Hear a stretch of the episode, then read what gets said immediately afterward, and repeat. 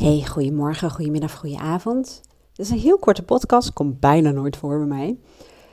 Um, met een simpele tip die behoorlijk effectief kan zijn. In mijn vorige podcast had ik het over hoe je uh, van je stress af kunt komen.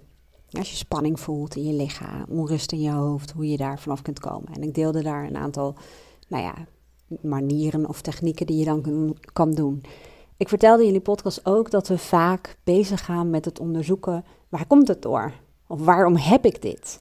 En dat datzelfde leidt tot de oplossing op dat moment. Als je dat bij jezelf bemerkt, kan één zinnetje, hè, misschien weet je inmiddels, ik ben van de zinnetjes, want zinnetjes kunnen heel erg zorgen dat bepaalde patronen worden doorbroken, maar er kan dus één zinnetje heel erg helpen. En dat is het zinnetje, ik ben gewoon getriggerd.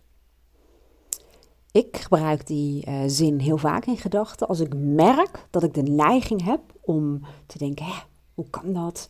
Moet ik soms ongesteld worden? Of komt het daardoor? Heb ik slecht geslapen? Of was er iets? Of nou, whatever. En op het moment dat ik merk hè, dat een deel van mij aan het stuur gaat zitten, de denker, die gaat bij wijze van spreken met me meedenken over mogelijke uh, ja, oorzaken.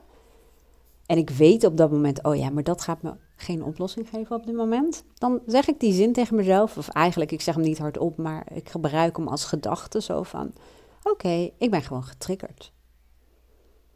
En dan ga je voor jezelf bepalen, of ja, aanricht, uh, aandacht richt. Ik wou drie woorden fuseren in één woord, nou dat is nog niemand gelukt, dus mij ook niet.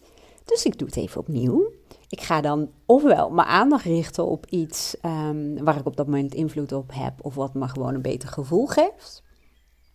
Of ik ga even nadenken over um, hoe wil ik me eigenlijk voelen. Ja, waar heb ik behoefte aan? Wat is belangrijk voor mij? Um, of je gaat nadenken over een bepaalde intentie. Hè? Hoe wil je de komende afspraak voelen? Of je doet een wondervraag, hè? waarbij je gaat uh, kijken wat mogelijke uh, oplossingen kunnen zijn.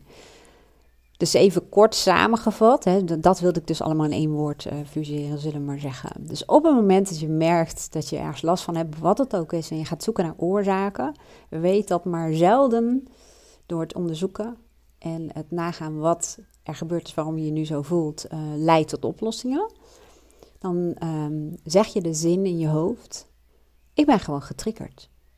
En vervolgens ga je je aandacht richten op iets wat je op dat moment een beter gevoel geeft. Dat kan dus zijn dat je bezig gaat of verder gaat met een bepaalde activiteit. Um, dat kan zijn dat je gaat kijken waar je op dat moment uh, invloed op hebt. Dat kan zijn dat je de wondervraag doet. Uh, die zit overigens in mijn academy, ik zal een linkje er naartoe uh, doen. Dat komt uit de oplossingsgerichte coaching. Of je gaat voor jezelf een intentie zetten. Of je stelt jezelf vragen, wat het ook is wat je doet. Maar dan ben je wel meer gericht op een oplossing. En meer gericht op het hier en nu. En dat is ook een beetje de basis van coaching. Daarin zeggen zij ook, hè, mijn basis is oplossingsgerichte coaching.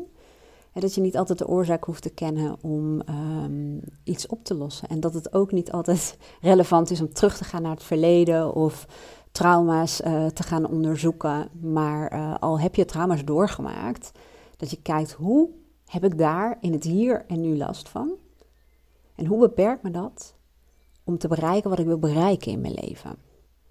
En dat kan ook zijn een bepaald gevoel. Hè? Dus dat je zegt, ik zou veel zorgelozer willen leven. Maar dat kan ook zijn dat het je in de weg staat om bepaalde belangrijke doelen voor jezelf te halen. Nou, als je denkt, ik vind oplossingsgerichte coaching best wel heel interessant en ik zou daar wel meer van willen weten, of ik zou wel meer tips en trucs daarover willen uh, horen, let me know. Dan kan ik daar een keer een podcast uh, over wijden. En voor nu wil ik je bedanken voor het luisteren. Ik hoop dat je het leuk vond, dat je er iets aan had. Als dat zo is, let me know. Laat me even een, uh, laat even een review achter. Of doe een duimpje omhoog. Of deel het met mensen die ook iets aan kunnen hebben. En ik hoop je de volgende keer weer te mogen ontmoeten op mijn podcast. Hele mooie dag. Doei doei.